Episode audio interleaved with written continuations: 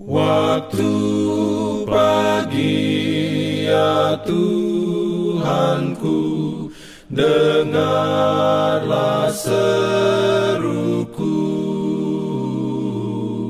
Melayang doa yang sungguh Memandang padamu Selamat pagi pendengar Radio Advent Suara Pengharapan Mari mendengarkan suara Tuhan melalui tulisan pena inspirasi Yesus, nama di atas segala nama. Renungan harian 15 Februari 2024 dengan judul Penebus yang berbelas kasihan. Ayat inti diambil dari 2 Korintus 4 ayat 6. Firman Tuhan berbunyi, Sebab Allah yang telah berfirman, dari dalam gelap akan terbit terang. Ia juga yang membuat terangnya bercahaya di dalam hati kita, supaya kita beroleh terang dari pengetahuan tentang kemuliaan Allah yang nampak pada wajah Kristus.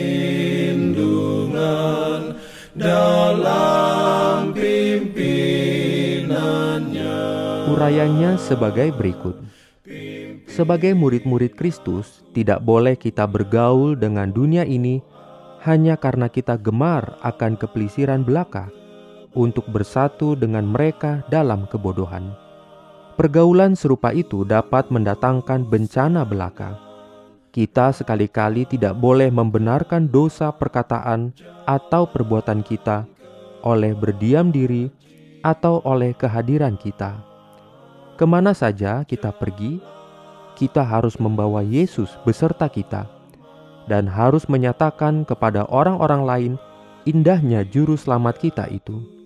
Tetapi orang-orang yang berusaha hendak memelihara agamanya oleh menyembunyikannya di dalam tembok batu, kehilangan kesempatan yang indah untuk melakukan kebajikan. Oleh hubungan sosial, kekristenan berhubungan dengan dunia ini setiap orang yang telah mendapat penerangan ilahi haruslah menerangi jalan orang-orang yang belum mengenal terang kehidupan. Kita semua harus menjadi saksi bagi Yesus.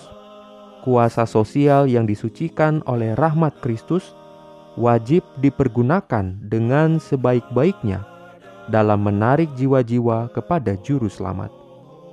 Biarlah dunia ini melihat bahwa kita tidak mencurahkan segenap perhatian dengan kikir atas kepentingan kita belaka, melainkan bahwa kita ingin supaya orang-orang lain juga turut beroleh berkat dan karunia yang kita peroleh. Biarlah mereka melihat bahwa agama kita tidak membuat kita tidak menaruh simpati dan bersifat keras. Biarlah semua orang yang mengaku telah menemukan Kristus melayani sebagaimana ia melayani dahulu untuk kebahagiaan manusia, kita sekali-kali tidak boleh memberikan kepada dunia ini kesan yang palsu bahwa orang-orang Kristen adalah satu umat yang selalu muram dan tidak berbahagia. Jikalau mata kita ditujukan selalu kepada Yesus, maka kita pun akan melihat penebus yang berbelas kasihan dan akan memperoleh terang dari wajahnya. Di mana saja rohnya berkerajaan, di sana ada damai.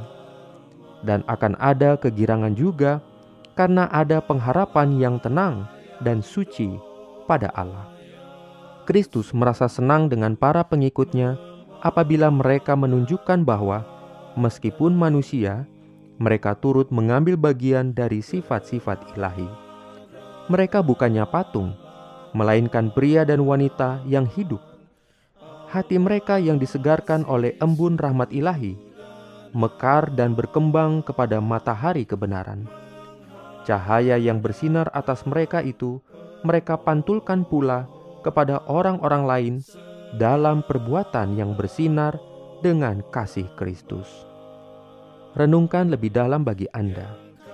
Apakah saya seorang Kristen yang bahagia? Apakah orang-orang senang berada di dekat saya? bagaimana saya menggunakan kekuatan sosial saya untuk membesarkan kerajaan Allah? Diberikannya perlindungan dalam pimpinannya. Pimpin. Jangan lupa untuk melanjutkan bacaan Alkitab sedunia. Percayalah kepada nabi-nabinya yang untuk hari ini melanjutkan dari buku Yeremia pasal 18. Selamat beraktivitas hari ini. Tuhan memberkati kita semua.